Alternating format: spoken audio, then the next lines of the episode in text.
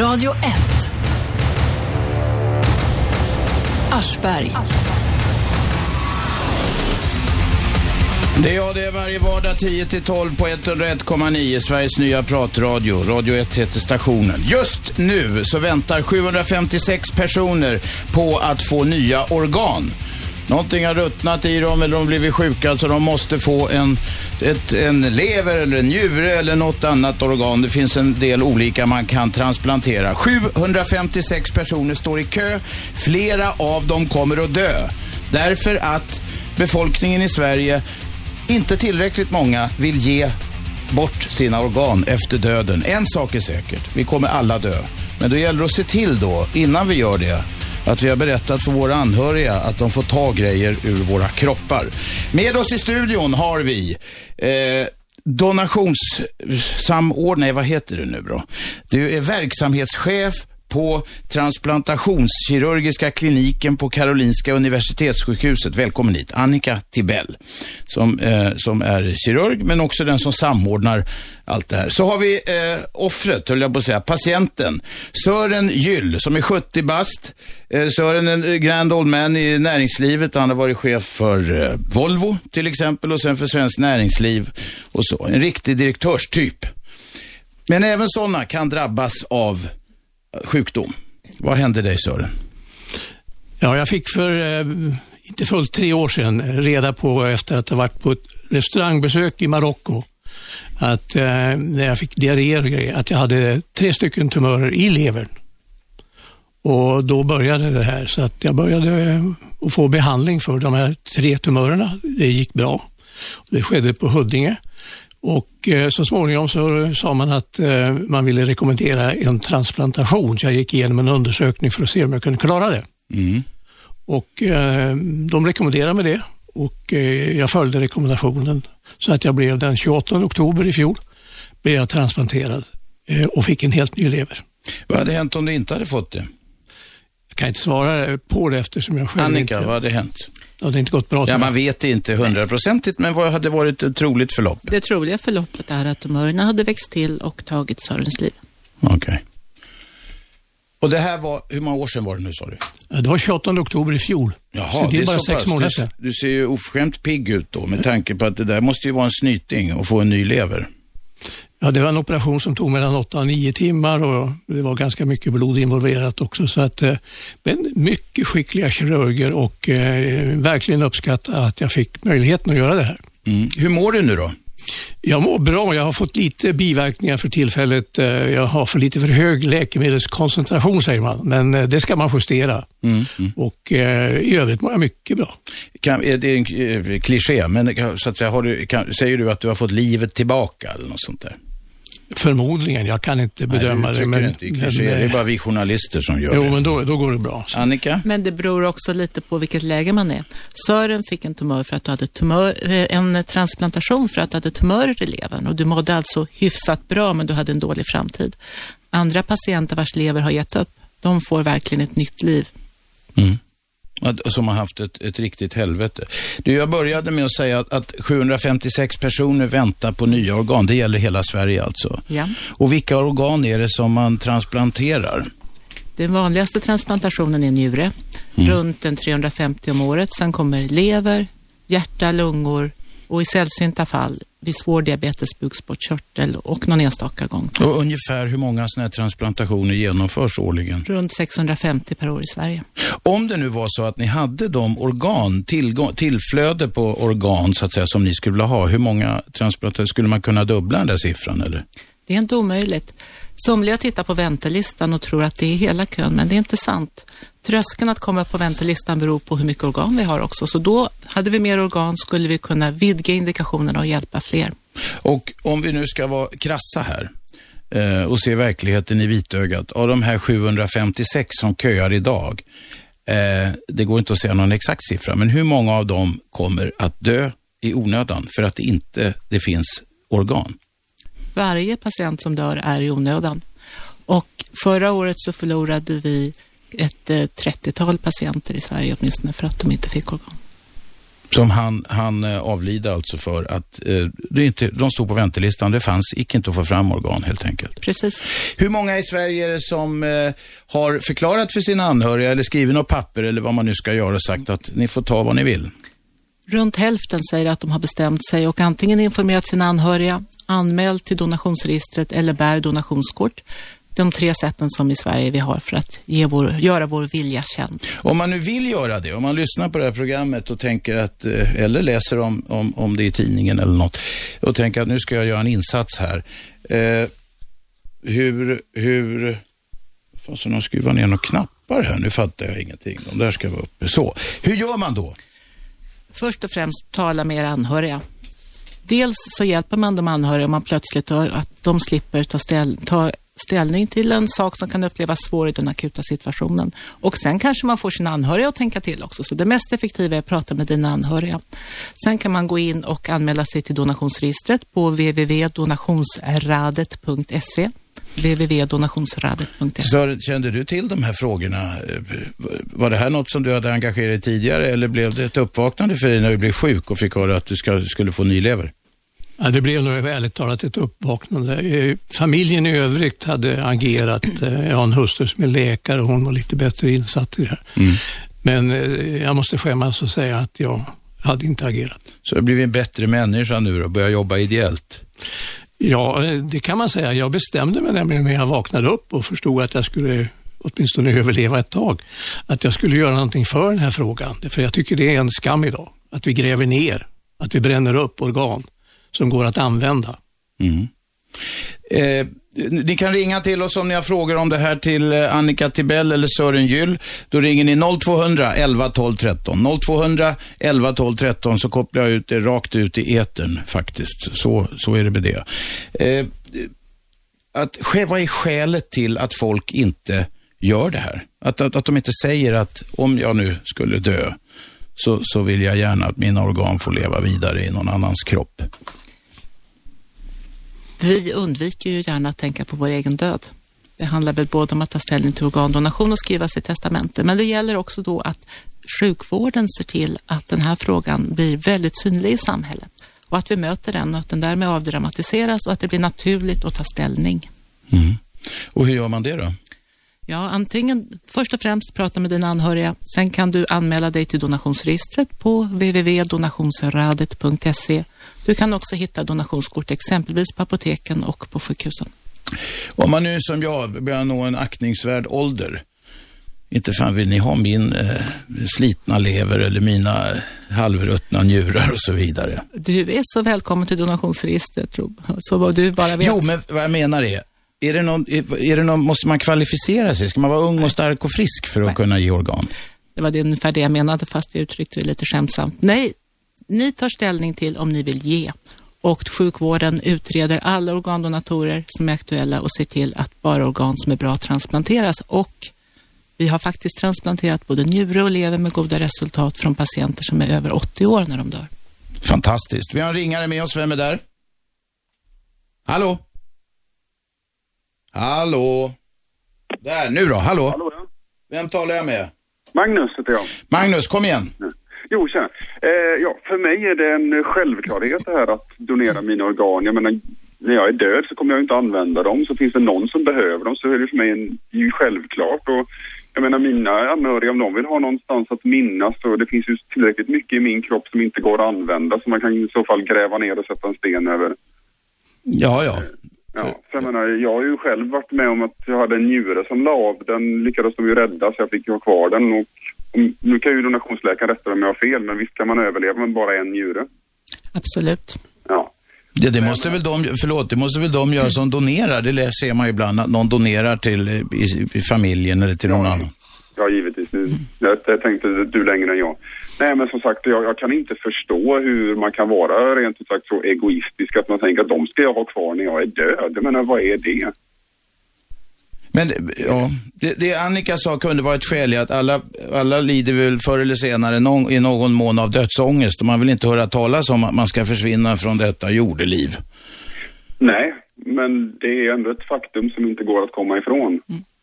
Ja, Annika. Jag, jag, tycker att det handlar, jag tycker att det handlar om att stå upp och faktiskt ta ansvar för sina medmänniskor och känna att kan jag bidra med någonting så är det min mänskliga plikt att göra detta. Det tycker jag i alla fall. Absolut. Det är många som inte håller med. Vänta, släpp in Annika. Jo. Och eh, det är väl bra att frågan blir mer synlig i samhället så folk tar ställning på det sätt du har gjort. Och när man tar ställning så kanske man ska börja med att fråga sig, vill jag att transplantation ska finnas som behandling om jag själv blir sjuk eller min familj blir sjuk? Och svarar jag ja på den frågan, ja då borde det också vara ganska självklart att ställa upp. Ja, självklart. Jag menar, skulle, som sagt, precis som du säger, om jag någon gång skulle behöva någonting och någon säger att nej, jag eh, vill inte ge dig min trots att jag inte ska ha det, men då hade jag ju blivit jätteledsen och tyckte, men var- varför, varför, ska, varför ska mitt liv också gå till spillo? Mm. Ja, hade du några frågor eller något annat? Nej, Nej, du ville mer uppmuntra folk. Ja, och tacka för ett bra program. Åh, äntligen en vänlig människa. Tack ska du ha. Ja, tack. Fortsätt ringa 0200 11 12 13. Sören, då sitter du här med någon annan människa. Vet du någonting om den, den, som, den här människan som du fick levern av, så att säga? Nej, det vet jag inte. Eh, det lämnar man inte ut den informationen och Nej. det är jag tacksam för, för jag tror inte Nej. det Tänk, hur, finns det något filosofiskt eller något sånt där existentiellt? Grubb, har du några sådana gr, grubblerier? Du kanske inte är den där grubblande typen, men, men när det gäller, en del skulle ju kanske kunna ha det. När man har ett annat, ett organ från en annan människa i sig. Nej, Jag är för det första tacksam, både för att eh, jag kallar honom för Kalle, att han eh, donerade sin eh, lever. För det, det är det jag lever på idag, så att säga. Det andra är att jag är oerhört tacksam också för Annika och hennes eh, kollegor som har gjort det här möjligt. Det är, det är ingen liten transplantation, det är ingen liten operation, det är inget litet ingrepp. Och jag är fascinerad och faktiskt oerhört imponerad vad man kan åstadkomma och vad man gör idag i sjukvården när den är som bäst i Sverige. Så att eh, jag har bestämt mig för att eh, genom att jag fick den här möjligheten ska jag jobba för det här. Och hur gör du det då? Ja, jag sitter här idag. Ja, jag har, är det ett jobb att sitta här st- har ställt upp i intervjuer till exempel och jag Ja. kommer att fortsätta. Jag kommer också penetrera eh, eh, politiker därför att det, det är inte bara eh, flödet utan det är också hela systemet som måste tänkas igenom, som måste jobbas igenom. Därför är en snårskog av problem eh, som jag har blivit uppmärksammad på. Och Det här liknar ju självfallet som man ska ändra ett företag. Att det är ett totalgrepp på helheten här som man måste också göra. Och där har politikerna mycket att göra. Jag har besökt eh, Göran Hägglund och uppmanat honom att ta ett initiativ i den här frågan. Mm. Då händer det säkert något. Vi får hoppas det. Vi får hoppas det. Eller inte. Men du, ett, ett grepp skulle man inte kunna tänka sig bara om jag får förfara iväg lite i tanken här att man vid varje sjukvårdsinrättning har, ställer ut eh, någon folder, det kanske finns redan, men i någon given situation som de flesta människor förr eller senare går igenom, att de ställs och får kryssa i bara. Ja, eller nej? Det finns ju också ett annat alternativ. Till exempel i Finland har man infört ett system att om du inte eh, säger någonting så används Ja, ja. organen. Vilket innebär att du kan bli exkluderad om du har skäl till Ja, det. ja. Mm. Det är som, Det är det ju är som det enklaste. bevisbörda, som mot skattemyndigheten ungefär. Ja, där man ska Men det, det är ju enklare så istället för att hålla på och, och jobba med alla de här eh, registren. Som Ja, ja. Är, är- vore det ett bra system, Annika? Det är ett bra system om det kan förankras i befolkningen. Annars Mm. riskerar vi att många tycker att nej, jag vill ge, men jag vill inte bli tagen för given och så hoppar man av och anmäler sig negativt fast man ändå inte hade varit det. Så jag tror man ska titta på systemet, men man ska fundera över det. Hur har det funkat i Finland då? Är, det- är det kortare kö där? Finland har alltid haft en högre donationsfrekvens än Sverige och har en kortare kö. Men den började gå ner och då införde man det här systemet och det var i somras så att vi vet egentligen Nej, okej, inte. det är för tidigt. Och Finland har inget register så därför kan vi inte se om de fick ett ökat antal nej där. Men då inget register? Alltså, De har inget donationsregister så att det är en intressant fråga i Finland hur man ska tillkännage sitt nej. Men eh, till anhöriga lämpligen då. Jaha, okej. Ja, ja, just det. Efter, om man nu inte har gjort det på något annat officiellt sätt under sin livstid, så att Mm. säga. Men det finns inget officiellt sätt i Finland. Nej, nej, det kanske är ett bra system. Ja, det kan vara det. Radio 1. Aschberg. Varje måndag till fredag 10 till 12 och dessutom 20 till 22 på kvällen i repris. Det går bra att lyssna på radio1.se också på nätsidan.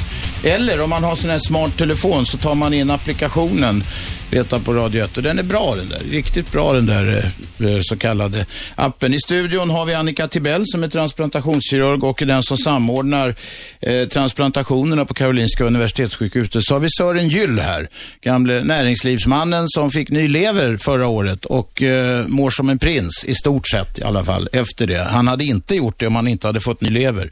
Med på telefon har vi Krille. Kom igen Krille. Ja, tjena. Eh, Jag tänkte höra, vet någon hur det är i- andra länder? Alltså, är det, är det lika liksom kaosartat där? Inte kaos men alltså, är det lika mycket problem där liksom att folk eh, donerar grejer liksom? Mm, ja, jag kan väl ta den frågan. Ja. Eh, Det finns inget land i världen som har balans mellan tillgång och behov av organ. Men donationsfrekvenserna i Sverige ligger tyvärr ovanligt lågt i ett europeiskt perspektiv.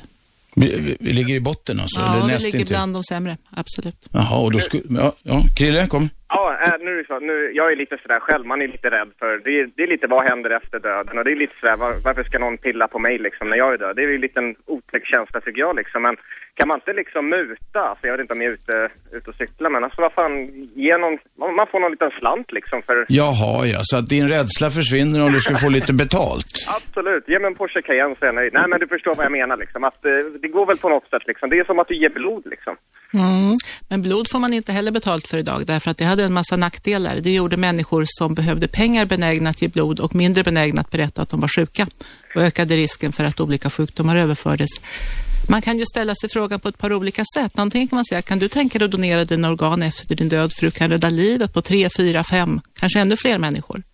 Eller kan du tänka dig att donera efter din död för du får de här 30 000 till begravningen som ökar behållningen i dödsbot. Det var ett annat sätt att ställa frågan som ju var i pressen ganska nyligen.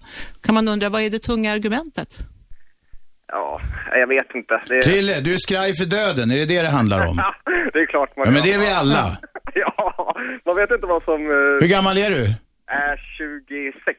Ja, det är långt det- kvar hoppas jag. Ja, du har säkert en bit kvar, statistiskt i alla fall. Men, men hur, har du, du har gått och grubblat på det här alltså? Du snackar har om, men man ska inte pilla i mig om jag dör och så. Jo, men det blir ju lite så. Alltså. Men det är lite, sen om man råkar ut för det själv och du får hjälp, det är klart, då kanske du får en tankeställare tror jag. Självklart. Ehm, Men rent hypotetiskt då, Krille, skulle du vilja få hjälp? Om dina njurar gav upp, skulle du vilja gå dialys resten av livet då? det är det jag skulle vilja, precis. Men det, det är så svensken är. Nej, du menar att du skulle vilja ha hjälp, inte gå i dialys? Ja, ja, det är klart jag Ja, ja, det, så bara- det var lite oklart här. Men du, du, i så fall skulle du gärna acceptera att få en njure till exempel? Absolut. Ja, Men- från någon som har- de har pillat i när den har dött då. Ja, det skulle jag nog vilja. Mm. Och så jag. sa du något om att det är ett svenskt sätt att resonera, eller vart, vart, vart Ja, var du på väg? Svensken är väl lite sådär, man får klara sig själv liksom tills det... Det är väl lite sådär. Tills man behöver hjälp. eller? Ja, ungefär. Nej, men det är väl så. Lite egoistiskt tänkande liksom. Men Ja. sen när det händer en själv, då är man ju...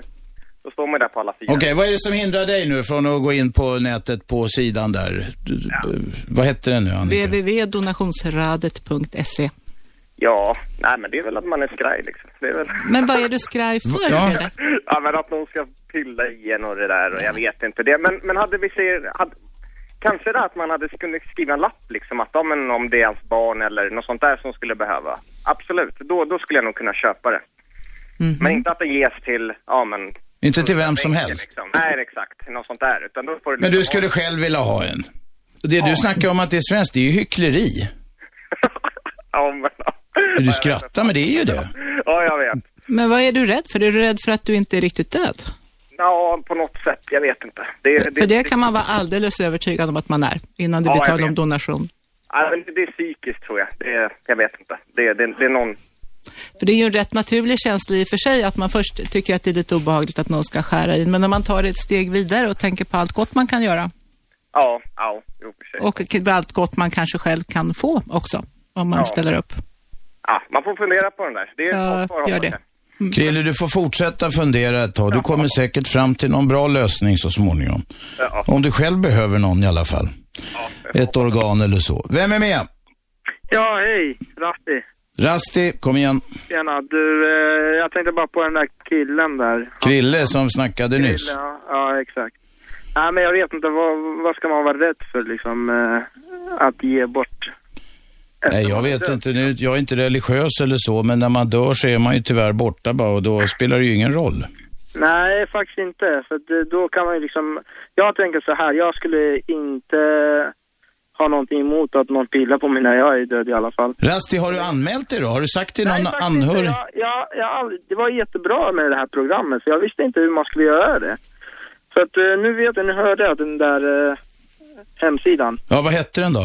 Ja, vad, dun, vad fan, vad, vad, vad Nej, kom igen nu. Kom igen nu, Rasti. Nej, men, nej, men nu, jag hörde faktiskt det, men när Krille pratade så då, då hörde jag inte i slutet. Donations någonting, Donationsradet. radet. Det är rådet då Ja, alltså? det är ja. donationsrådet på Socialstyrelsen, det är där man går in. Men Ja. ni får ju ta bort den där ringen överåt, så det blir donationsradet. In och anmäl Rasti. Tack. Okej. Hej. Vem är med? Sebastian heter jag. Sebastian, skruva ner radion och kom till saken. Jo, jag tänkte få höra en grej. Om man är med i sådana donationsgrejer, så i samband med bortgång då när man ska börja gräva igen. Och så visar det sig att det är en familjemedlem som, som eh, blivit sjuk typ ganska nyligen och hamnat ganska långt bak i någon ja, donationskö. Kan, går det att se till så att man kan bumpa upp dem och ge ens egna organ åt dem? Förstår du vem? Ah, du är en gräddfil för släktingar. Ja, typ. Nu är ju risken eller att man dör och samtidigt har en släkting på listan otroligt liten. Och sen så är det ju så här att det ska passa också. Det är blodgrupper och det är allt möjligt. Och man har ett antal organ. Jag kan säga att vi har aldrig varit ställda inför den situationen. Och eh, det beror väl lite grann på var din släkting står på listan. Därför att vävnadslikhet är en av våra prioriteringskriterier. Och nu är det ju så tursamt att man är oftast vävnadslik sina släktingar så att kanske utan att man behöver göra något konstig brovinkel alls så kan det mycket väl bli så att den här njuren då skulle gå till din dotter exempelvis för att ni har en vävnadslikhet. Okej. Men vad säger du i frågan allmänt då? Alltså, alltså, är du beredd att ge dina organ? Nu försvann allting. Ja, du försvann. Ja, men då fimpar vi dig. Tack, hej. Och så tar vi in, vem är där? Ja, Faraj. Faraj, kom igen. Eh, jo, nu vet jag inte vad religionen säger om det här, men religion kan vara ett stort hinder för det här. Jag vet inte om ni har tänkt på det. Ja, det beror ju på hur man tolkar lärorna kanske. Ja, det här har diskuterats inom alla de stora världsreligionerna och v- de framstående företrädarna har tagit ställning för donation och det gäller, eh, det gäller kristendomen, det gäller islam, det gäller buddhismen, hinduismen. Sen finns det enskilda företrädare inom alla våra religioner som är emot det, men inte religionen i sig, utan där alla religioner och judendomen, där går det att rädda liv före. Okej, då vet jag det också. Tack. Jaha, det var det hela. Tack Faraj. Fortsätt ringa på 0200 11 12 13. Hade du några synpunkter på den här religionsvinkeln, Sören? Nej, jag, jag tycker eh, i min, i min värld så existerar inte den vinklingen. Jag har eh, sett det här som ett sätt att rädda liv. Jag har själv upplevt att jag fått ett nytt liv då. Och eh, jag kan inte riktigt koppla ihop det, men jag är inte samtidigt eh, kanske eh, ett exempel från den sidan som har de religiösa grubblerierna. Radio 1. Aschberg. Vardagar 10 till 12 på 101,9. Repris 20 till 22 på kvällen. Lyssna också via telefonapp eller på hemsidan radio1.se. I studion har vi transplantationskirurgen Annika Tibell som är samordnare för transplantationerna i Sverige. Och så har vi Sören Gyll, gamle näringslivsmannen, Volvochefen, chef för Svenskt Näringsliv med mera, som fick ny lever förra året. Och eh, han står på benen riktigt bra, tycker jag det ser ut som. Där har vi Luciano med oss. Luciano, kom igen. Ja, tjena. Jo, det är det. Jag har varit med i donationsgrejen där för sen jag fyllde 18. Då kunde man också välja för forskning. Finns det någon statistik som man kan se hur mycket folk som, uh som även ja, skriver upp sig för sånt? Ja, bland våra donatorer så är det ungefär 30 procent som har sagt ja till forskning också. Och eh, jag skulle önska att den siffran höjdes. Det finns mycket missuppfattningar kring det här ja till forskning. Somliga tror att man ska skära sönder hela kroppen på någon medicinsk högskola. Så handlar det inte alls om det. Oftast handlar det om några extra blodprov eller kanske en bit av ett organ som inte används som går till forskning om sjukdomar. Och det är en unik chans för forskningen att få tag i vävnad som fortfarande lever. Även om du är död, din hjärna är död, så lever din vävnad. Va- Var, kan man, an- är det samma? Det är donationsrådet också? Man, när man svarar på frågan om donation så får man också svara på frågan om man donerar till forskning. Och alla forskningsprojekten är godkända av etikkommitté, så det sker inga skumma, mystiska, hemliga projekt, utan de är alla granskade. Luciano, Ja. hade, hade du fyllt i att, att de får forska på dig den dag du går de hädan? får, de får gräva hur mycket de vill i mig. Ja, ja. Tack, Det är tack. bra. En, eh, en annan fråga. Om man, om man skulle råka ut för en olycka och man, eh, man är ganska... Det är inte så stor chans att man överlever. Men Mm. eh, är det så att man låter kanske en dö för att ta organen eller hur går det till då? Så går det absolut inte till, utan man är aktuell som organgivare först när man har gjort allt som går för att rädda individen. Och sen är det faktiskt så att i Sverige idag så slutar vi behandla när vi inser att vi inte kan rädda någon. Men om du blir organgivare, då får du fortsatt behandling under döendet för att dina organ ska må bättre. Så att du får faktiskt mer behandling som organgivare. Okej. Ja, tackar för mig. Ja, ja, tack Luciano. Bosse, Ja, kom igen. här är jag. Jag eh, ville bara fråga, jag har opererat för lungcancer för fem, sex år sedan. Jag är diabetiker typ 2 och jag har astma. Är jag lämplig som eh, donator? Mm. Idag kanske inte, i framtiden kanske ja. Alltså var och en behöver inte fundera på om man är lämplig medicin som donator eller inte, utan man behöver bara fundera på, vill jag hjälpa till? Och sen utreder vi om det finns några organ som lämpar sig för användning. Så den som är diabetiker kan fortfarande ha bra njurar, eller är njurarna inte riktigt bra så har man eh, inga diabetesskador på en lever exempelvis. Nej, just det. Nej, det enda jag har är neuropati i så fall i fötterna, men det är ju ingenting som är aktuellt för transplantation antar jag. Nej. Jo, vänta ett tag. Man kan väl flytta fötter också? Ja, fötter har faktiskt aldrig flyttats. Där finns det ju bra proteser. Däremot så finns det internationellt, men inte i Sverige, några ens, mycket enstaka exempel på handtransplantation framför Ja, allt. just det. Och det har funkat? Det har funkat förvånansvärt bra. Det tar lång tid innan nerverna eh, växer ut, men efter ett år finns det fantastiska filmer på hur folk kan, eh, kan knäppa små, små knappar och plocka nålar från bordet och sånt som är verkligen fin motor- motorik. Otroligt. Bosse, är du nöjd? Ja, men då anmäler jag mig. Bra, schysst, hej. Vem är med? Eh, Mattias, Kom igen. eh, kan man lämna organ till eh, motsatta könet? Absolut. Trevligt.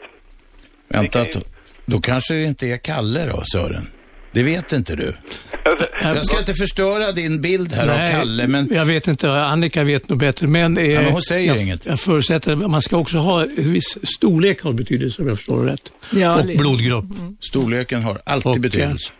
Men, men vad, vad, vad då storlek? Storlek på kroppen och hela organet. Ja, ja, just det, det, är inte, det, det är inte ett litet barns lever. Det hade inte funkat på Sören. Eh, för framförallt får levern inte vara för stor, för den ska få plats också. Ah, okej. Så att, eh, men ett eh, riktigt litet barns lever hade inte räckt i Sören heller, nej. Ja. Ringan? Ja. Var det något mer? Eller hade vi kommit igång med dig överhuvudtaget innan jag började babbla? det gör inget. Det, det är ett bra program. Jag är intresserad. Ja, ja, tack, tack. Tack ska du ha. Okej, ni som vill ringa och ställa frågor till, till mig eller Annika eller någon annan, ni ringer på 0200 11 12 13. Men nu fick min telefongrej spel här. Vi provar, se om ni kan ringa. Eh, Kan du, Andreas, du får gå ut och be dem kolla, för nu börjar allting blinka på en gång. Och så, så bra ringer inte folk vanligtvis. I alla fall, stora eh, organ. Alltså, är det, är det något problem med storlekar här? Mm. Vissa organ, exempelvis hjärtat, måste ju vara väldigt noga storleksanpassat, vare sig för stort eller för litet. En lever som är för stor kan man eventuellt dela. Men det blir ju en ytterligare komplex Alltså man operation. kan ta bort en bit Man av kan den ta helt bort enkelt en för att bit så få, att den få, blir lagom den. stor. Och eh, den får ju inte vara alldeles för liten för då är det för få celler för att rena den stora kroppen. På njure har vi mindre bekymmer med storleksanpassning. Mm, för de är mindre också va? De är mindre, de får alltid plats i alla fall. Ja, ja. Du, Sören låg, eh, hur många timmar var det Sören? Ja, det var drygt åtta timmar något sånt där. Åtta timmar. Ska det vara så märkvärdigt att eh, plocka ut en lever och stoppa in den? Hur många kopplingar är det? Ja, det är fyra kopplingar kan man säga till levern. Två tillförande kärl, ett avförande och sen är det gallgången som ska ihop. Men det tar tid att få ut den gamla levern och ju sjukare patienten är, desto mer blöder patienten för levern är den som gör, fixar koagulationen i kroppen och eh, det kan ta många timmar att få ut en lever. Det är inte bara att lyfta ut den. Nej, och, och, och att det tar så lång tid, det beror på att man måste gå så varligt fram för det blöder överallt. Mm, så kan det vara. Och det kan finnas sammanväxningar och le- levern är skrumpnad och så. Jaha. Det är ett riktigt pyssel. Har ni såna där, eh, typ såna juvelerarglasögon och grejer på er? Absolut luppglasögon, särskilt under delar av operationen när man syr ihop kärl och så. Ja, okej. Ja, du har inget eh, minne från den där operationen antar jag, utan du rullades in där. Ja, jag rullades in och så fick jag då eh, de här skydden eller den gröna duken över mig och sen så småningom kom det en herre bakifrån som var nog eh, narkosläkaren och sa att nu är det dags för dig att gå in, vi vill ta in dig på operationssalen. Och han önskade mig lycka till och så satte han på masken och sen dess så kommer jag inte ihåg mycket mer förrän någon tog i vänstra foten på mig. När jag var på intensivvården och sa nu kan du vakna. Ja, och hur mådde du då? då? Ja, alltså jag hade ju, jag vet inte hur många slangar, uppåt tio stycken slangar hängde. Eh, dränering och tillförsel och så vidare. Så att jag tittade ju liksom på kroppen och tänkte, vad fan. Eh, och eh, det gjorde ju ont, men inte på det sättet att jag inte fungerade. En annan sak som är intressant är att jag upplevde att då, redan då kände jag skillnad på, så att säga, det- där uppe på det sättet att jag kände mig intensivare, alltså klar i tanken. Va? Och eh, eh, det var för mig en riktig aha-upplevelse att komma ut i det skicket men samtidigt känna att det fungerade. Fin- Finns, är det, finns det någon medicinsk förklaring till den där känslan? Mm, absolut. Om man har en sviktande leverfunktion framförallt så påverkar det intellektet. Visst. Men, men så att man, är när man, jag har själv varit med om en stor operation en gång. De fimpade en bit av lungan här. Som tur var var det ingen cancer, men så det var ju onödan. Eller det vet jag inte. Men i alla fall, jag mådde ju halvtjuvtjockt måste jag säga när jag vaknade. Men Men din lungtumör påverkade inte din mentala förmåga. Men däremot en leversvikt på, ger en förgiftning i kroppen. det är så. Ja, och så man känner direkt att det släpper då. Vissa patienter kan göra det, ja. Ja, ja. Det finns någon som har sagt bilden till mig att jag, innan operationen så kände jag mig som en dåligt inställd kamera. Jag kunde liksom inte fokusera. Och sen när jag vaknade och kroppen var renad så att säga igen så kände jag att jag kunde fokusera. Det är fantastiskt. Ja, det, det ligger någonting i Hur det. länge Jag- fick du slangarna? Förlåt? Hur länge fick du slangarna? Ja, de, de tog bort dem stegvis. Eh, Varje dag plockade de bort en eller två från början. Till slut hade jag bara någon enstaka kvar. Ja, ja. Eh, och jag gick omkring med en påse eh, så vidare. Så det, det gick ganska bra. Jag, jag led faktiskt inte så mycket av det och jag lyckades faktiskt resa mig upp eh, redan första dagen när jag kom upp från operationen. Ja, men det är macho-grejer. Nej, det var realitet.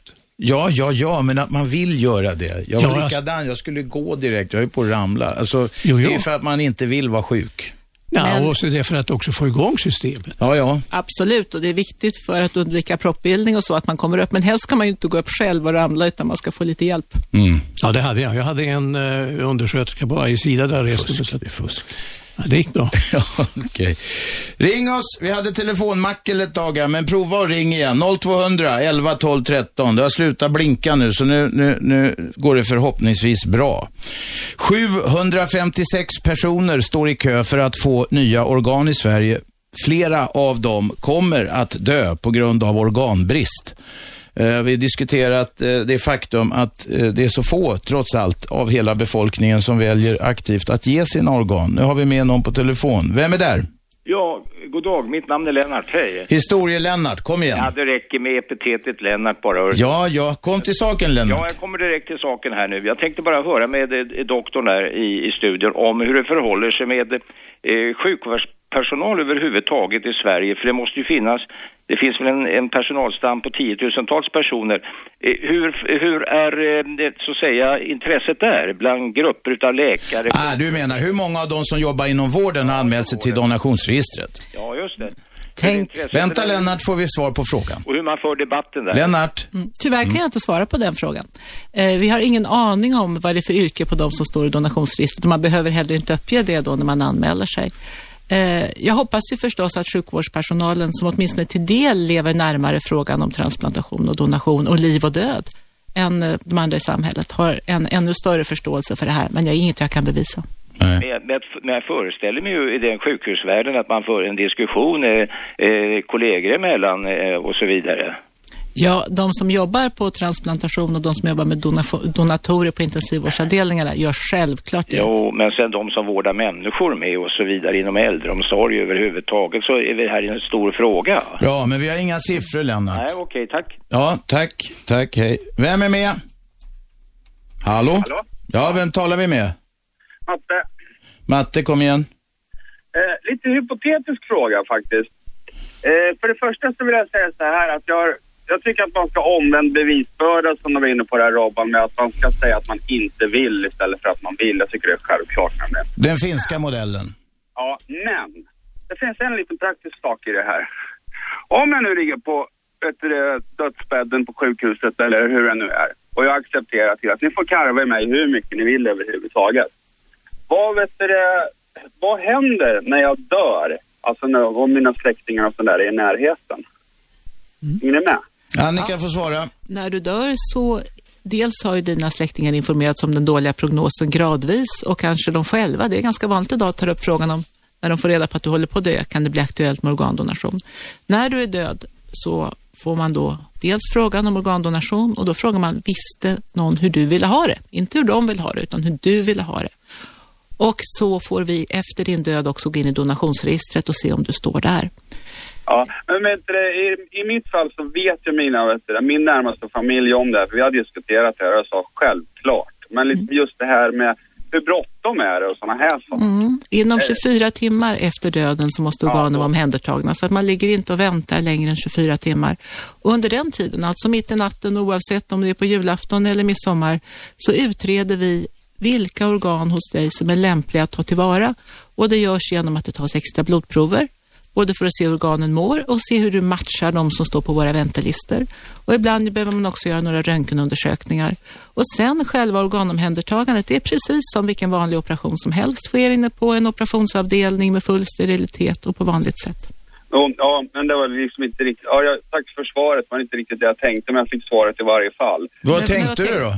Det var snarare så här liksom, så det är inget så här liksom, ja nu är det bråttom och sådana här saker. Det är, det är ingenting sånt alltså.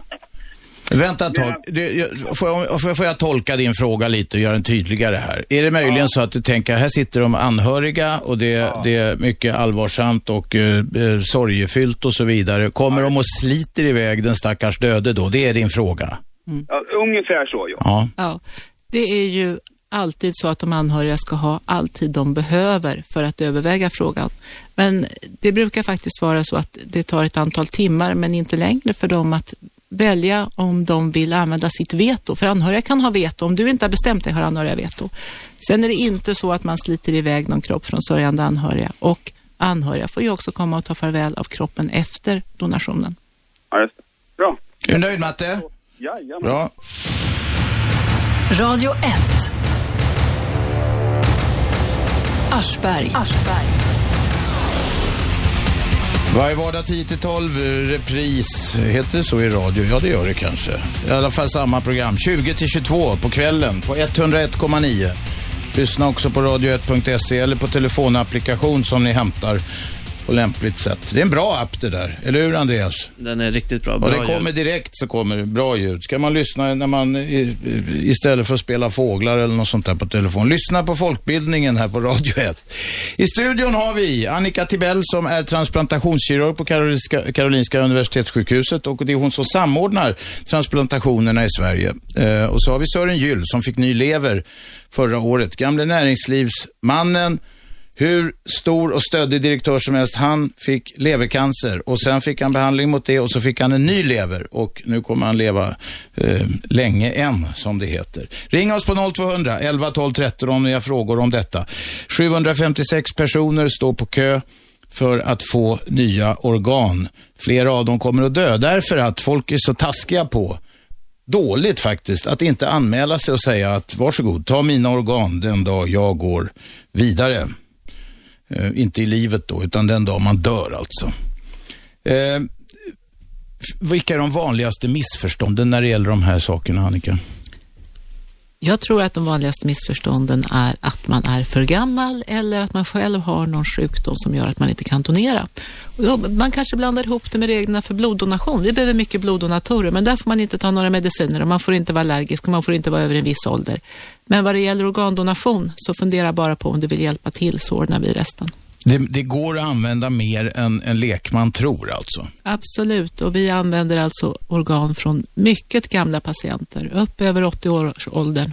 Men om det är 80-årsåldern, har, har inte organen någon slags... Om en människa då kan leva och bli 80 eller 90, vad, vad folk blir numera, kanske till och med äldre så småningom.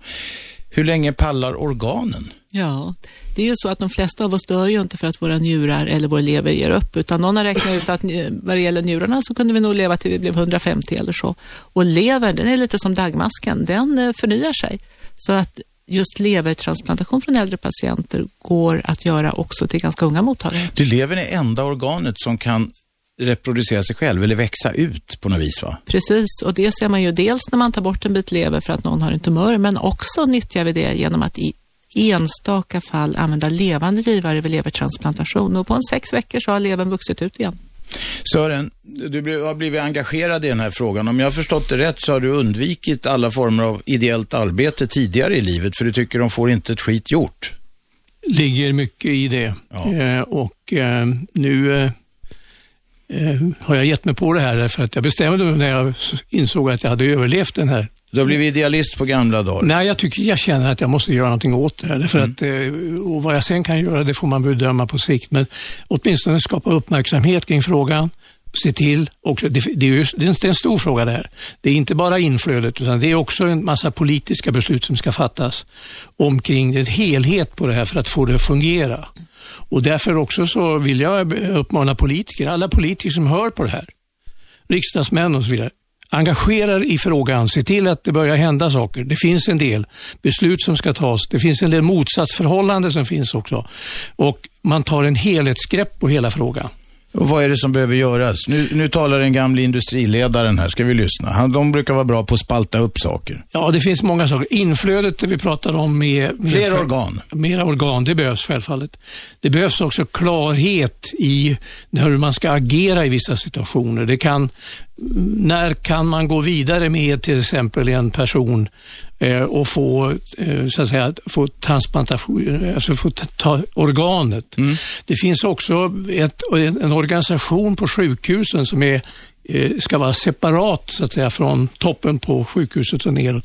Och jag tror inte att den där fungerar överallt heller. Och det finns alltså ett antal saker som man måste liksom plocka upp, diskutera, ta i för att få helheten att fungera. Därför att man löser det är liksom som om man knyter skon på ena foten och glömmer den andra, men den är öppen så har man fortfarande inte gjort det man borde göra. Annika?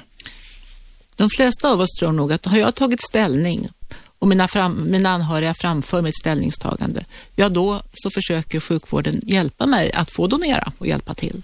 Men idag är det så att det är bara om man dör under väldigt speciella omständigheter på intensiven, om man ligger på intensiven för att ens hjärnblödning var så stor, men inte så stor så att man dog direkt, då kan man få bli donator. Men om jag själv kommer in på akuten på Karolinska och jag har donationskortet i plånboken och jag har maken bredvid som säger att hon ville donera och jag står i registret. Men så säger de där på akuten att nej, men den där hjärnblödningen är så stor så det är ingenting att behandla med henne. Då får de inte börja behandla mig för att jag ska få donera. Så är det i svensk lag idag. lagen säger att om, om läkarna på säg en akutmottagning tror att någon faktiskt håller på att dö där, eh, eh, då får de inte sätta igång livsuppehållande åtgärder för att rädda de organ som man eventuellt skulle kunna rädda andra liv med. Precis så är det. Utan du måste vara på intensivvården, du måste redan ha hela den här apparaten med respirator och så igång.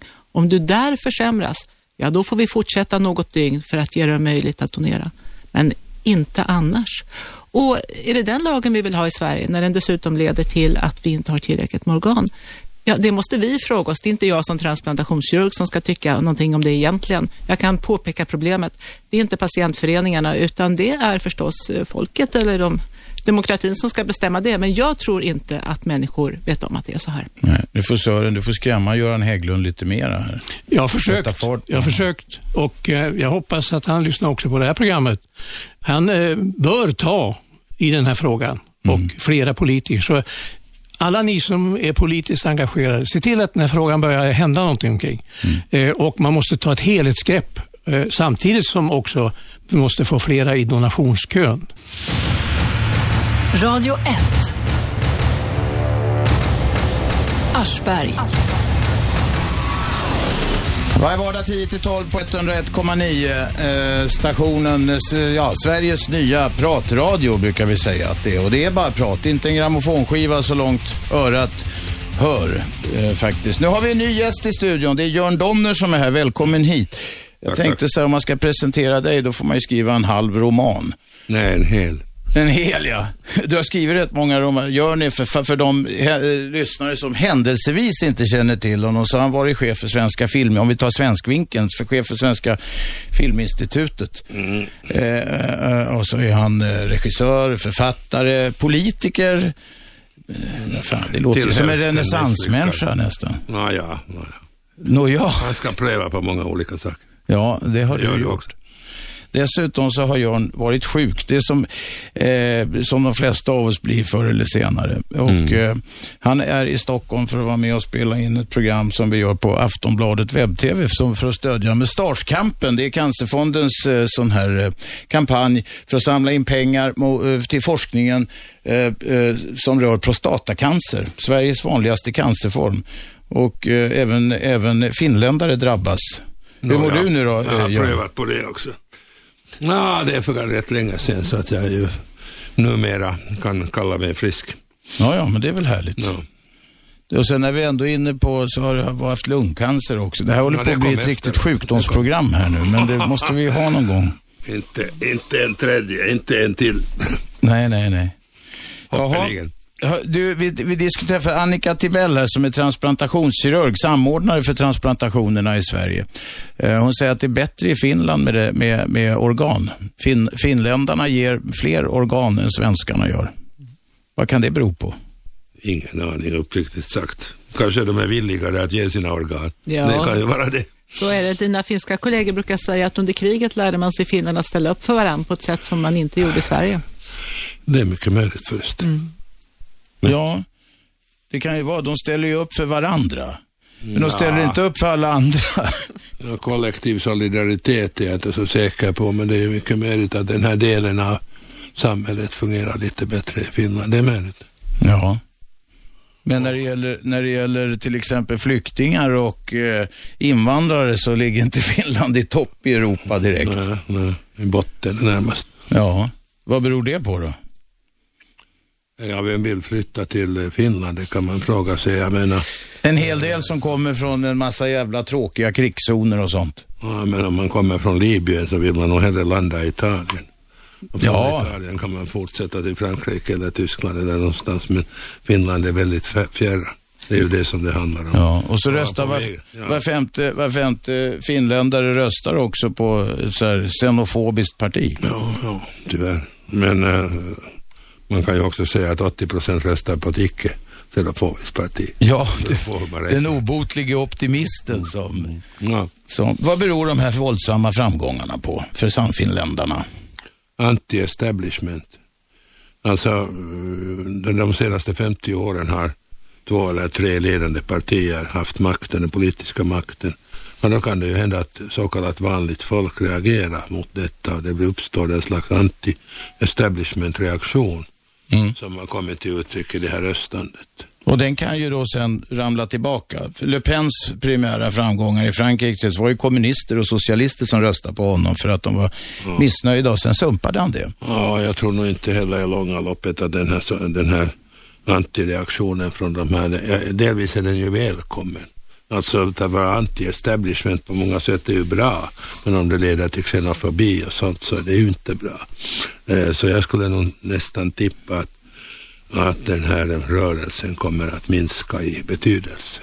Men det kan bli en påminnelse i, mot establishment, mot eh, härskande, tidigare härskande, kanske också imorgon härskande, att vara på sin vakt. Och de här, men de här ställen, tidigare har det alltid varit så i Finland va? Att, att det är samregeringar.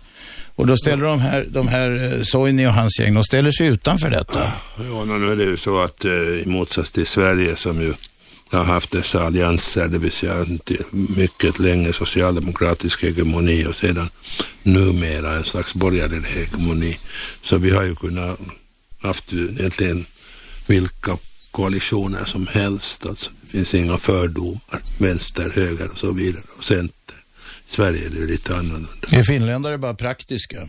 No, det jag vet inte, det kan ju hända att de är dumma också, men, men det där praktiskt eh, innebär det att man måste, måste skapa numera en konstlad majoritet i parlamentet. Det har inte tidigare hade varit rätt naturligt. Men med Sannfinländarnas avhopp från regeringssamarbete, eh, tänkbart samarbete, leder det till mycket svårartade problem för, för regeringsbildaren. Vi får se vad som händer.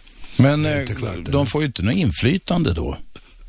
no, nej, man kan ju ha inflytande även om man inte sitter i regeringen. Jo, jo, det är klart man kan i i riksdagen. Men du ställde upp i, i senaste valet här. Ja, ja, jag, jag ställde upp och eh, som heter uppoffrade mig under sloganen som en motkraft till de här Sannfinländarna.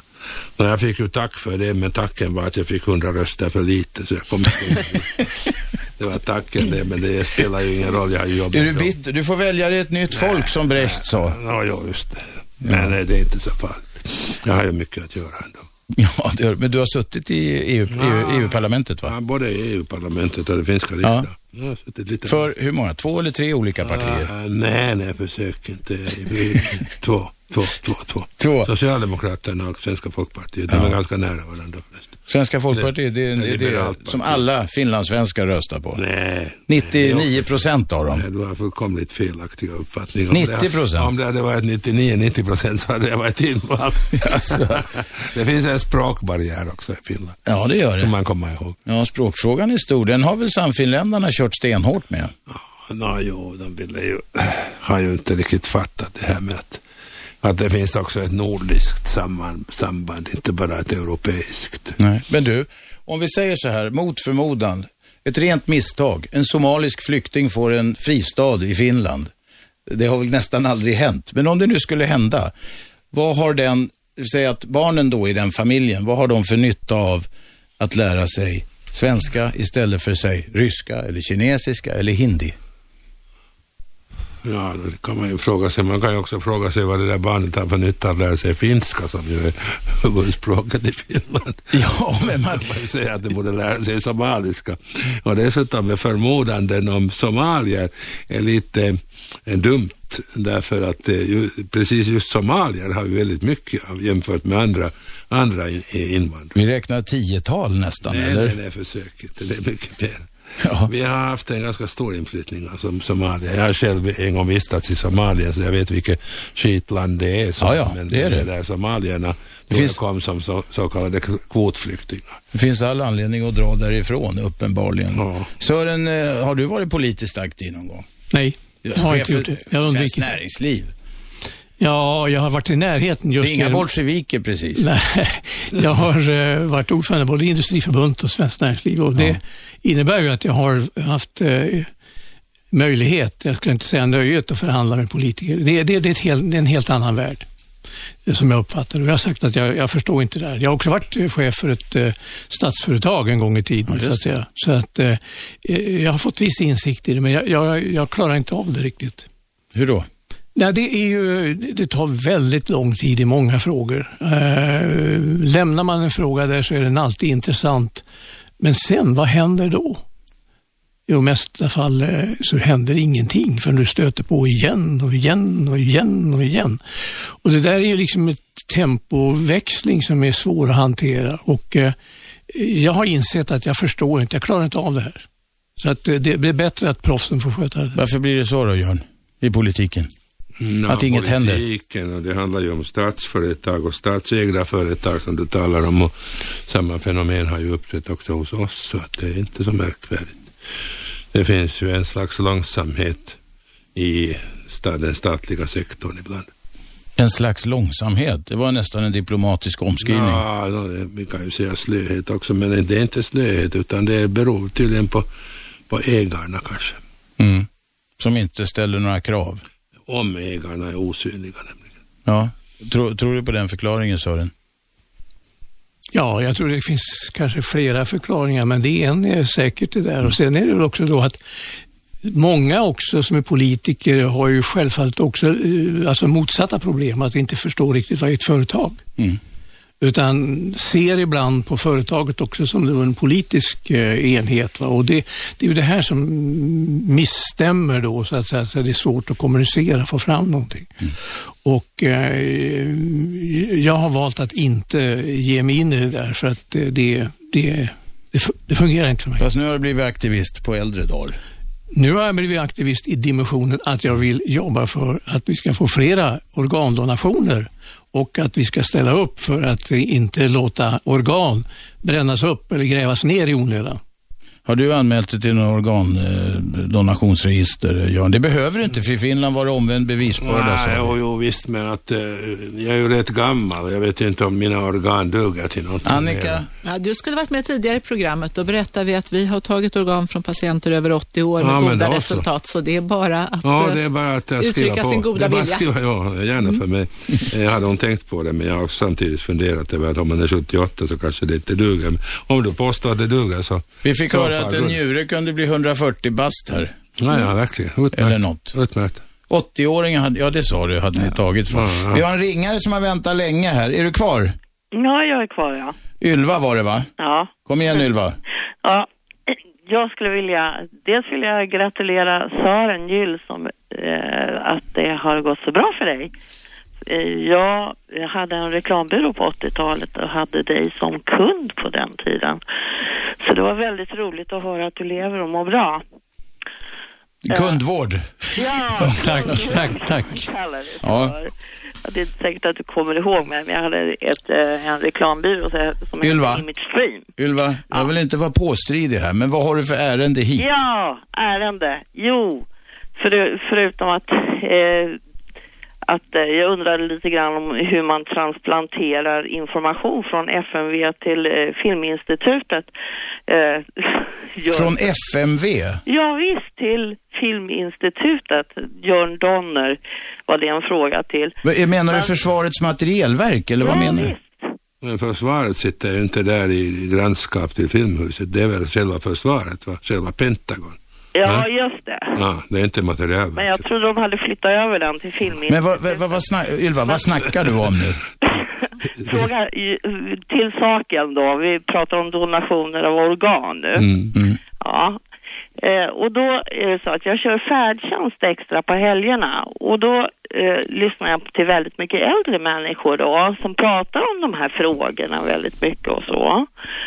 Och den oro som finns som jag märker då hos väldigt många här i Sverige, det, bland de äldre då framförallt, det är att de inte ska få vård så att de ska dö det i förtid. På grund av det här med organgrejerna? Ja, och då, ja, just det.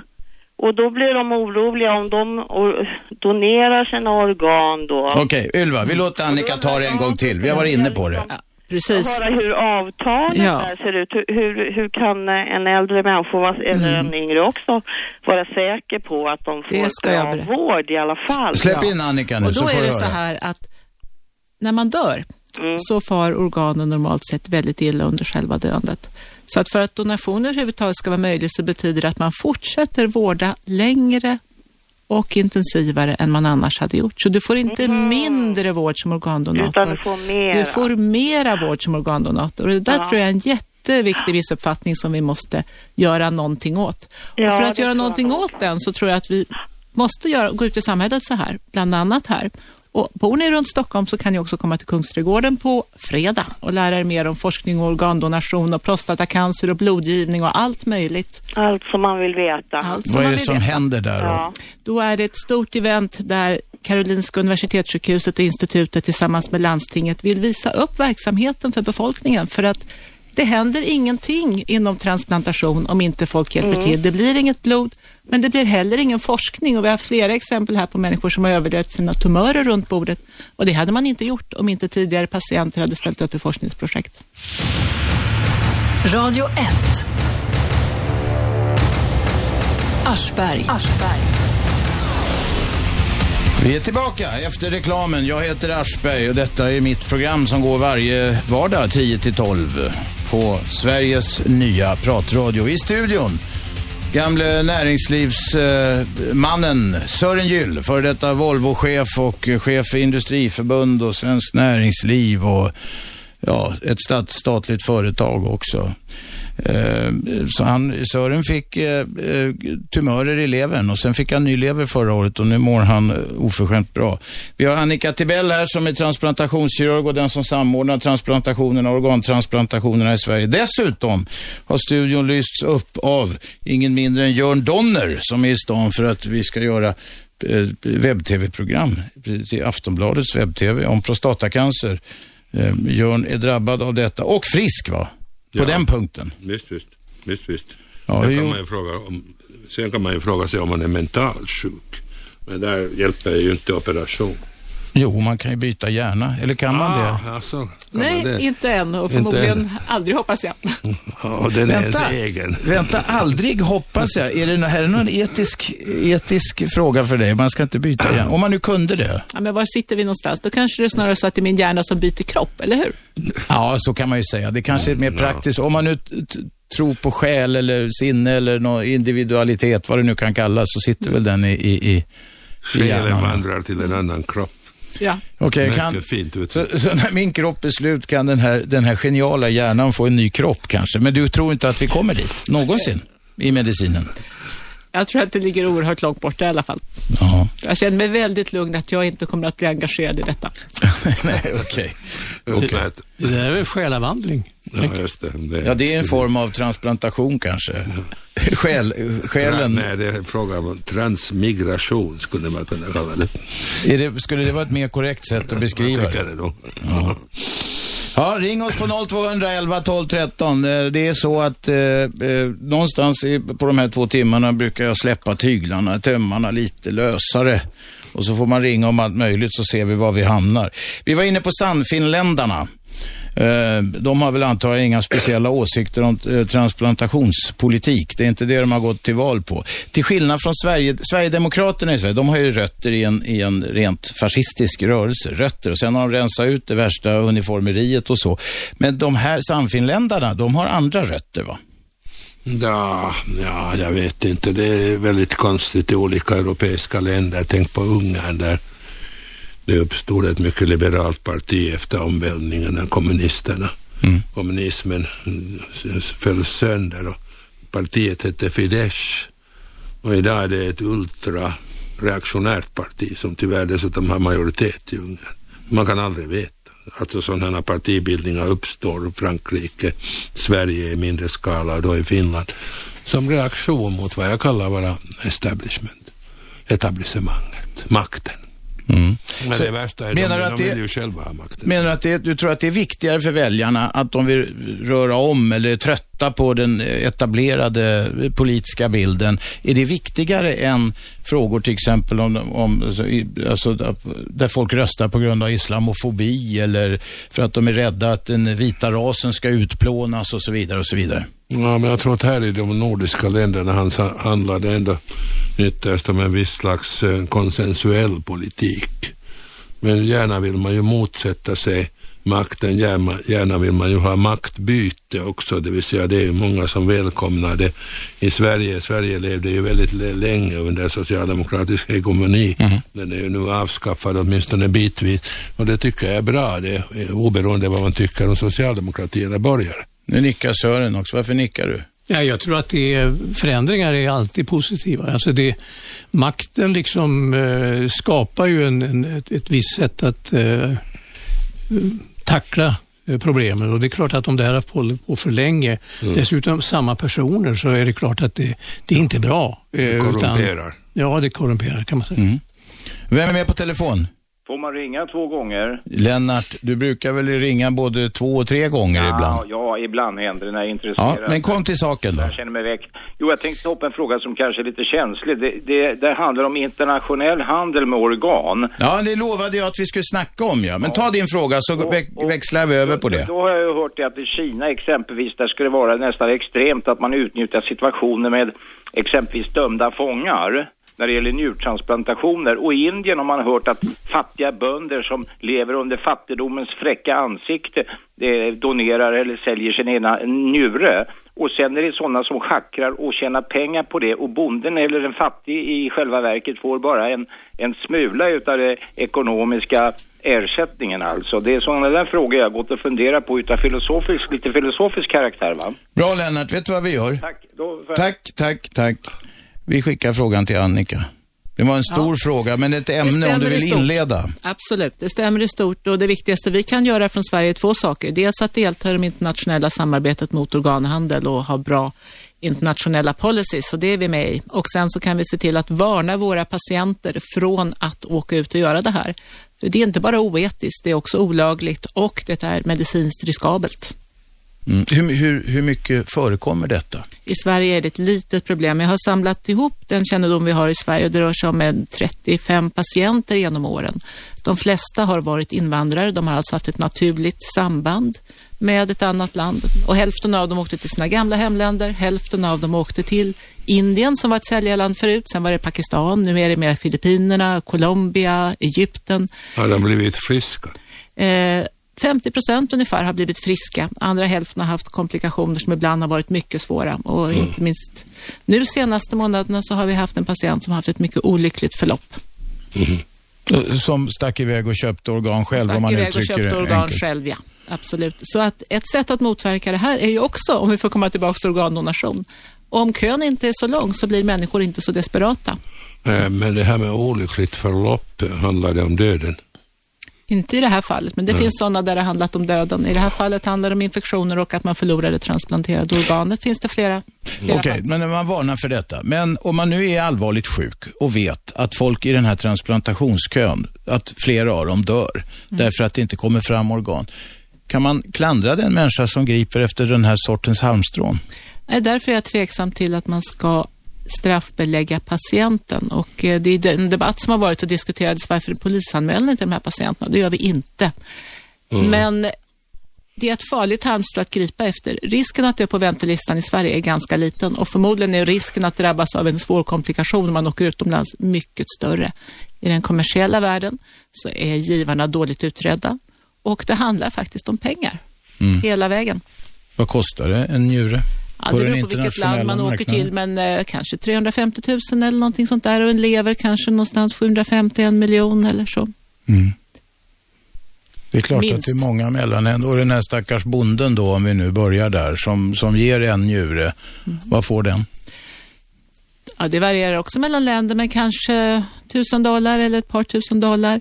Men sen så kan den stackars bonden, för det första får han en halvdan utredning, sen får han ingen uppföljning. Han kastas ofta ut från sjukhuset på dag ett eller två och ofta så drar man av lite för han fick smärtstillande eller något annat, så han får inte ens de få pengar han var utlovad. Åh fy fan. Radio 1. Aschberg. Vi är tillbaka efter reklamen och efter nyheterna framför allt. Eh, detta program går varje vardag 10 till 12. Så det är bara att lyssna på mobiltelefon, nätet eller i Storstockholm via etern 101,9. I studion har vi eh, Annika Tibell som är transplantationskirurg på Karolinska Universitetssjukhuset. Hon är den som samordnar eh, eh, organgrejer. Och så har vi Jörn Donner här. Eh, Vi har talat lite sannfinländare och vi har talat lite, lite om eh, prostatacancer. Mustaschkampen pågår just nu. Och så hade vi, hade vi eh, eh, Sören Gyll här, men han gick ut och pudrade näsan och så har de låst ut sig. Jag ska gå här och, om ni två snackar ett tag så ska jag släppa in dem. Vad ska vi, vad ska vi sn- snacka om? Om vad som helst. Ja, alltså, Vi ja. snackar organdonation tycker Ja, jag. ja, det kan Björn. du. det kan jag prata om hur mycket som helst, Ja. för den frågan måste vi ta tag i i Sverige. Ja, ja. Men hur går det till i Sverige, jag som inte kan det? Ja, i Sverige alltså, hur, många, hur många sjukhus gör man dessa operationer? Ja, organdonation görs på alla sjukhus med intensivvårdsavdelningar och så är det i Finland också. Ja, men hur många är det i Sverige? Ja, ett 70-tal någonting där som har intensivvårdsavdelningar. Men de flesta sjukhus har så få. De kanske har en eller två ja, om men, året, ja, men det är småsjukhusen. därför som jag frågade. Ja. Därför att det finns ju kirurger som säger att läkare som inte opererar allt för ofta. Det finns en risk inbyggd i det. Absolut, men opererande läkare, de skickar vi ut från Karolinska och från de Aha. andra storsjukhusen. Jaha, så ni lånar... eh, Ni, Ja, ja. Ni lånar kirurgisk Det är ett resande teatersällskap så att säga. Ja, det kan man säga möjligen. Ja. Jaha, ja. men det visste jag inte. Mm. Jag trodde att det var lokala kirurger. Nej, nej, det måste vara perfekta organ. Ja, ja. Här, här har vi någon. Vem är med? Tjena, Lars. Lars, kom igen. Eh, jag tänkte på det här med eh, att åka utomlands och fixa njurarna och eh, donera. Fixa njurarna, jaha. Men det, vad fan, det var ju en utredning här om man skulle köpa organ av svenskar för 300 000. Det skulle ju täcka ett års kostnad. Men där kan man inte då göra en tillfällig drive och köpa in de som vill donera och få 300 000 så ska man ju få bort den här kön. Och så börjar man om på alla de här som då dör och som vill skänka bort sina njurar. Kan ju de som inte har råd att köpa 300, eller de här jävla organen. Då, Skulle du sälja en njure, vad skulle du ta för en njure? Jag skulle kunna ta 300 spänn. 300 000. Du ger en njure om du får 300 papp i, i handen. Varför ska jag inte kunna? Men om jag inte behöver det, jag kan ju ha en, men inte två. Jaha. Men då får du ner den här väntelistan som nu är på 600, vad det nu var för någonting. 756 idag. Ja, vi får ner väntelistan. Eh, vi får ner väntelistan på de som väntar på njure. Den här modellen som du föreslår, den finns faktiskt i ett enda land i världen och det är i Iran. Och det funkar jättebra. Man har ingen kö för njurar, men man får inte igång någon som helst donation från avlidna. Man har ingen hjälp till de som behöver lever, hjärta, lungor och sånt. Eh, så att det, det kanske inte är riktigt så enkelt. Sen ja, så... här, det här organet, jag menar om, om det nu är så att man liksom får bort den kön och säger att ja, när vi har fått bort den här kön eller att det är hanterbart och att det kanske är hundra som väntar på njurar, men om då hundra stycken kolar, men då får du ju hundra njurar och levrar och hjärtan och vad det är nu någonting. Du talar om att man skulle donera efter döden, för att det här med hjärta och så ger man ju först efter döden, eller talar du om Ja, att man ska donera i livet? just njuren alltså, det var det jag tänkte mer på. Just den, i och med att man kan ju faktiskt leva med en. Mm. Man kan leva med en njure, men det finns många nackdelar också med organhandel. Det första är att man kanske kan fråga sig, vilket samhälle ska vi ha? Ska de som är fattiga sälja en del av sig själva? För vi kan ju räkna ut att det är de fattiga som säljer i alla länder. Så ska vi nyttja utsatta grupper för att ge organ till, dem som, till samhället? Eh, det är väl kanske den, egentligen den allra basalaste frågan. Sen vet vi att det faktiskt finns en medicinsk fara i att betala för vävnader. För den som behöver 300 000 och går och säljer sin njure, han kommer inte att berätta för oss om man har haft en infektion eller om man har ett riskbeteende eller om man har haft någonting annat som kan överföras.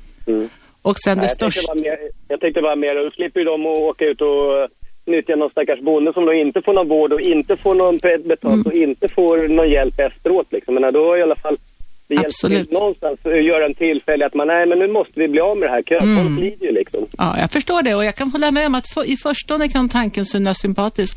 Men sen har man faktiskt gjort uppföljningar också, till och med på de här i Iran som verkligen får sina pengar. Och runt 80 procent ångrar sig efteråt. Och Det är ganska svårt att förstå varför, men man mår nog inte bra av att sälja delar av sig själv helt enkelt. Medan de som ger organ i Sverige, de som ger njurar i Sverige, de ångrar sig nästan aldrig, utan många tycker att det var en av de stora grejerna jag har gjort i mitt liv. Jag Ja, gjorde skillnad. Det, det, är ju, det, är, det är sant, men menar just det här att det är så få som gör det nu ändå och det kostar ändå 300 000 om året. Man mår inte heller bra om man säljer sin själ. Sin själ. Ja, den vill jag inte bli av med. Nej, just det. Men... Jo, jo, du får tillräckligt pröjs. Om du får 100 millar skattefritt. ja, men hur plockar man ut själen då? Ja, det får du se då. Ja, det var just frågan. Okej. Du, tack för samtalet. Ja, var var vi någonstans? Jo, organhandel var vi inne på. Mm. Och detta med handel i Sverige, det, det, det, det, vad är det som gör egentligen kan man ju fråga sig. Varför i helvete är det så att folk inte eh, säger, och då, då menar jag inte att folk inte går in på hemsidan och donerar aktivt, men att anhöriga inte automatiskt säger, eh, i alla fall i nio fall av tio, säger att varsågod, vi vill gärna att vår döde anhöriga här ska bidra till att rädda liv. Vad är, det som, vad är, vad är huvudskäl? Är det religiösa skäl? Är det dödsskräck? Vad är det? Jag tror att det är hela situationen när ens anhörig precis har dött och de här är oväntade dödsfall. Vi vet att svenska folket nästan alltid vill donera organ. Mellan 80 och 90 procent är villiga att göra det när man frågar dem i lugnt skede. Men om man frågar, är du villig att donera din anhörigs organ?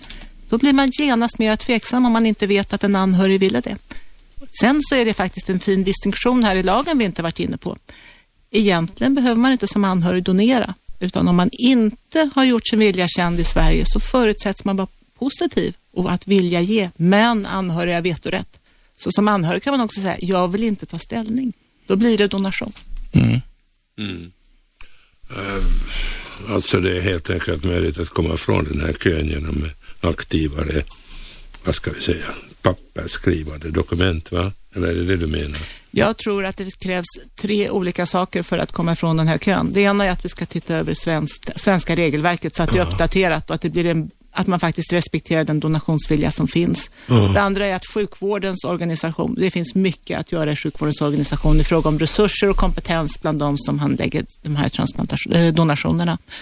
Och det tredje ut med frågan i samhället, gör den synlig. Helst, gör det till en del av att bli vuxen, att du tar ställning till den här frågan. Min idealbild vore att när man går till vårdcentralen, så precis som det står i ens journal om man är allergisk mot penicillin eller inte, så ska det stå om man har tagit ställning till donation eller inte. Får jag fråga en sak alltså? Eh, Det gäller ju ett visst samarbete över gränserna, åtminstone Mm. när det gäller hjärtan. Hur fungerar det europeiskt och hur bråttom ska man ha då när det gäller hjärtan? Och det fungerar det rent tekniskt? Vi har ett samarbete i första hand i Norden i något som heter Scandia Ja, Transplant. ja. Och I första hand är det så att alla organ transplanteras i Sverige. Men om det inte finns en mottagare i Sverige för att det är ovanlig blodgrupp, Ja. ovanlig storlek, då vänder vi oss till resten av Norden. Och Mm. om det inte finns någonting i Norden, då vänder vi oss till samarbetsorganisationer i Europa. Nå, har ni råd med de här jetflygen och allt det? Ja, det har vi Ja. råd med. Aha. Och transplantation är ändå för samhället kostnadseffektiv behandling. Hur räknar man då? Alltså jag ifrågasätter inte det du säger, jag bara blir nyfiken på. Mm. Det enklaste att räkna på är förstås njure, för då har du alternativet dialysbehandling. Mm. Eh, när man räknar på lever och på hjärta så räknar man ju på vad den personen skulle ha gett samhället för intäkter, men också på den behandling i slutskedet av sjukdomen som då kan vara mycket dyrbar, som samhället slipper Mm. med en transplantation. Och det är alltså lönsamt kan man säga. Ja, det är så tursamt att transplantationer är lönsamt. Det viktigaste är förstås att vi hjälper människor, men samhällsekonomiskt är det dessutom lönsamt. Det är ju ett argument för politikerna, Sören. Men du, du har varit uppe hos Göran Hägglund eh, eh, och eh, försökt slå näven i bordet där. Han, han kanske har problem bland sin, sin, sin, sina kärnväljare med detta, som har en massa föreställningar om vad som händer efter döden. Ja, det är, det, är, det är möjligt, men jag tycker att frågan ska inte liksom eh, hamna på den nivån att det är på grund av att man har eventuellt en religiös uppfattning. Utan den här frågan tycker jag man ska eh, sätta ner.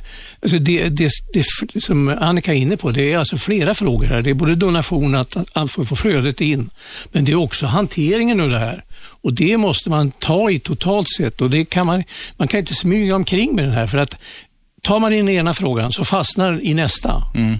Och på det sättet så löser man inga problem utan man måste upp med allt i, i, i luften för att liksom ta en helhetsgrepp på frågeställningen. Och vill vi ha det här att ske, då måste politikerna bestämma sig och göra någonting åt det.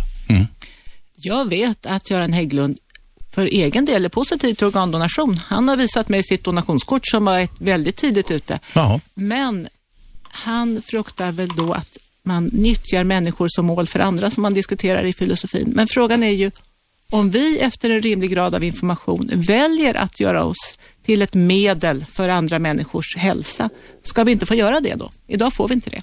Nej, det är konstigt. Vem är med på telefon? Ingen. Ni får vara envisa en stund. Vi måste låta gästerna i studion prata också. Om jag inte svarar direkt, så häng kvar en stund. Vem är med nu? Hej, det är Kajsa igen. Kajsa, kom igen. Alla de här... Skruva ner radion först. Ja, alla de här uteliggarna, de tillför ju inte samhället något. Det är inte samhällsekonomiskt att ge dem trans, trans, transplantationer. Vad är det du vill säga, Kajsa? Att man, samhället vill inte satsa på dem. Men, vä- vänta, vänta. Ska man, vad är det du säger? Att man ska hjälpa uteliggarna? Det tror jag De- de ingen kommer säga emot. inte De tillför inte samhället något. Nej, men man kan väl ha lite humanitära skäl. Och det som resonerades om alldeles nyss, att det var lönsamt, det var inget argument, eller det är ju inte huvudargumentet. Läkarnas och vårdapparatens plikt är att hjälpa människor, att Mm. försöka bota dem. Det kan ju vara en fördel att visa att det också är lönsamt i vissa fall. Men det är ju inte det som det står och faller med. Det tycker väl inte du heller? Men jag tycker man ska satsa på alla människor. Ja, men vi är nog eniga om det och det är ingen som har sagt emot det här. Då har du läst vad Annika sa som fan läser Bibeln. För det var inte det hon menar, eller hur Annika? Nej, det var inte det jag menar. När man räknar på sådana här så räknar man ju ett snitt och det är klart att det kan finnas enstaka människor där det inte är lönsamt, enstaka människor där det är mer lönsamt. Men det handlar ju inte om att man tittar på det när man har den enskilda patienten. Däremot kanske det här kan bidra till att samhället kan lägga ändå lite mer resurser på den här donationsfrågan som vi faktiskt måste synliggöra bättre. Radio 1 Aschberg. Aschberg. 10 till 12 varje vardag på 101,9. I studion har vi Jörn Donner. Han är känd för de flesta svenskar, en renässansmänniska som har sysslat med att skriva böcker, regissera filmer, ha statliga uppdrag här när det gäller filmpolitik. Han har dessutom för två partier eh, suttit i både Europaparlamentet och i finska riksdagen. Det var som fan. Ja, men stämmer det inte? Ja, delvis. Ja. Och sen låter han sådär också, man, vad man än säger. Sen har vi Annika Tibell här som är samordnare för alla transplantationer i Sverige. Åtminstone någon, jo, nej, det är väl alla transplant, smågrejer transplanterar man inte va? Smågrejer? Nej, men typ hornhinnor och sånt där. Jo då, det precis. Det, vi, det vi pratar om här är organtransplantation. Det gör transplantationskirurgerna. Sen finns det ju vävnader. Hornhinnor är en väldigt Ja. viktig vävnad. Hjärtklaffar är en annan. Just det, och det är inte, men det är inte er. Det får eh, amatörerna syssla med. Ja, vi försöker förstås främja donation av det också. Ja. Så har vi Sören Gyll här som fick ny lever förra året. Han vet att han lever. Han hade, jävlar vad rolig jag var nu. Men två, du hade tumörer i levern och eh, behandlades för dem och så fick ny lever sen. Och det märkliga är, så Sören berättade, att han när han vaknar upp med en jävla massa slangar i sig, efter den här långvariga operationen, plötsligt så känner han sig klarare i knoppen än på länge och då fick vi en fysiologisk förklaring till detta. Ta den igen. Jo, om man har en sviktande lever så blir kroppen förgiftad och det påverkar ens mentala förmåga så man kan inte riktigt fokusera. Och när man får en ny lever så renar den upp kroppen och det kan gå ganska fort. Du ligger ju sövd några timmar efter ingreppet också innan du vaknar till. Fantastisk grej. Det var, var en euforisk känsla. Ja, alltså det, det, jag noterar den tydligt och klart när jag kom i, upp i rummet från intensivvårdsavdelningen, att det hade hänt någonting. Och jag trodde först inte att det var sant. Jag började fråga också då läkarna, kan det vara så här? Eller är det en inbildning? Och då fick jag den här förklaringen som Annika ger. Alltså att det, är, eh, det finns en annan dimension också. Det är att eh, jag har haft lätt för att somna. Alltså sitta rakt upp och ner och bara boom, somna till. Eh, Det försvann också. Fantastiskt. När man blir sjuk så sviktar ju ens organ gradvis. Ofta vänjer man sig vid att må lite sämre och lite sämre och lite sämre. Men när man får ett nytt organ, det är ju faktiskt fantastiskt när man transplanterar och ser det här nya organet fyllas av blod och börja fungera. Och sätter vi in en njure som är riktigt pigg, då ser vi hur den börjar kissa innan vi ens hinner sy in urinledaren. Ja, man ska ju inte rekommendera det åt alla människor som känner sig dåliga. Vad, vad tänker du på nu? Nej, men alltså de ska ju transplantera njurar för, på miljoner människor för att de ska känna sig bättre. Nej, men du, nu, vänta nu. Nu var det lever vi snackade om här. På Ja, vad njuren påverkar inte knoppen va? Ja, ja. Det är pinkeriet. Ja. Inte, det var levrar som man blir klar i ja. knoppen. Så att ni som känner er lite deppiga, gå och hämta en ny lever. Ja, det Ja. kan man kanske säga, Fast men det det är är inte så svårt, lätt. därför att det finns inte så många och det är därför som Sören och Annika sitter här i studion. Jörn har vi eh, av andra skäl. Han är här därför att vi ska på Aftonbladets webb-tv, idag ska vi spela in ett program där som handlar om prostatacancer. Kampen mot det, mustaschkampen. Vem är med på telefon? Tommy heter jag. Tommy, kom igen. Tänkte höra, John Donner, du har ju jobbat väldigt mycket med film och eh, så vidare va? Eh, tänkte höra, vad tycker du om svensk film idag? Du jobbade ju tidigare med Ingmar Bergman och så vidare. Riktigt bra grejer. Tommy, vi tar frågan där. Svensk film idag. Nej, alltså jag, jag, jag ska ge ett enkelt svar. Det finns en superbegåvad finns, svensk filmskapare. Han heter Ruben Östlund. Han har en film som visas dessa dagar i Cannes. Högst rekommendabelt, men det blir ju aldrig några stora publiksuccéer av hans film som ger en mycket att tänka på. Jag bryr mig inte om de där vanliga skitfilmerna som har stor publik och jag tänker på filmer som har ett intellektuellt anspråk. Har du sett Åsa-Nisse? Eh, jo, i tiden. Visst, Nej, men den nya? Nej, finns det en ny? Nej, det vet jag inte. Vad fan, jag har ju Ja, till och med två repliker. men jag ger spelar för- chaufför. jag för- Jörn! Fan i sånt. Ja. Jag köpte mig till det för jag var med och finansierade film, så jag Ah, köpte kan två repliker. Kan man tänka sig. Jag vet att du har gett dig ut för allt möjligt skit. Det är också jag. Ja, ja. Jo, men ja, vad ja, fan. men det är några andra svar vill jag inte ge dig. Tommy, du får nöja dig med det. Jajamän. Ruben Östlund, resten är skit, enligt Donner. Ungefär. Tack för att du ringde. Prova och ring lite. Vi har ett par minuter kvar. 0211 12 13. Vi kan klämma in en ringare till. Nu är det så att vi har diskuterat i två timmar, inte bara, eh, vi tar i omvänd ordning här, lite prostatacancer, vi har talat, eh, ja, film var det nu senast, vi har talat samfinländare. Mest har vi talat om organdonationer. 756 människor eh, i Sverige väntar på att få nya organ, lever, njure, hjärta, lungor, hjärt-lungpaket, vad det nu kan vara. Flera av dem kommer att dö därför att folk i allmänhet inte donerar organ. Det gäller både de som har dem och deras anhöriga. Vem är med? Sista samtalet. Lars, Lars? jag tänkte höra med dig. Ska du ut och promenera någonting i år? Nej, jag ska inte, jag promenerar, men inte någon sån där för mustaschkampen som vi gjorde för två år sedan. Vi gör, vi gör program i Aftonbladet webb-tv istället i år. Ah, okej. Du får titta på dem. Ja, okej, då tar vi, det var så kort så vi hinner en till. Den stack direkt. Jaha, ska vi börja sammanfatta det här? Vi har ett par minuter kvar. Annika, vad vill du se händer nu i Sverige? Jag vill att vi uppdaterar regelverket, att vi organiserar oss bättre i sjukvården och framför allt att vi gör frågan riktigt synlig i samhället så att människor på ett naturligt sätt tar ställning till den här. Det ska vara lätt att ta ställning. Sören?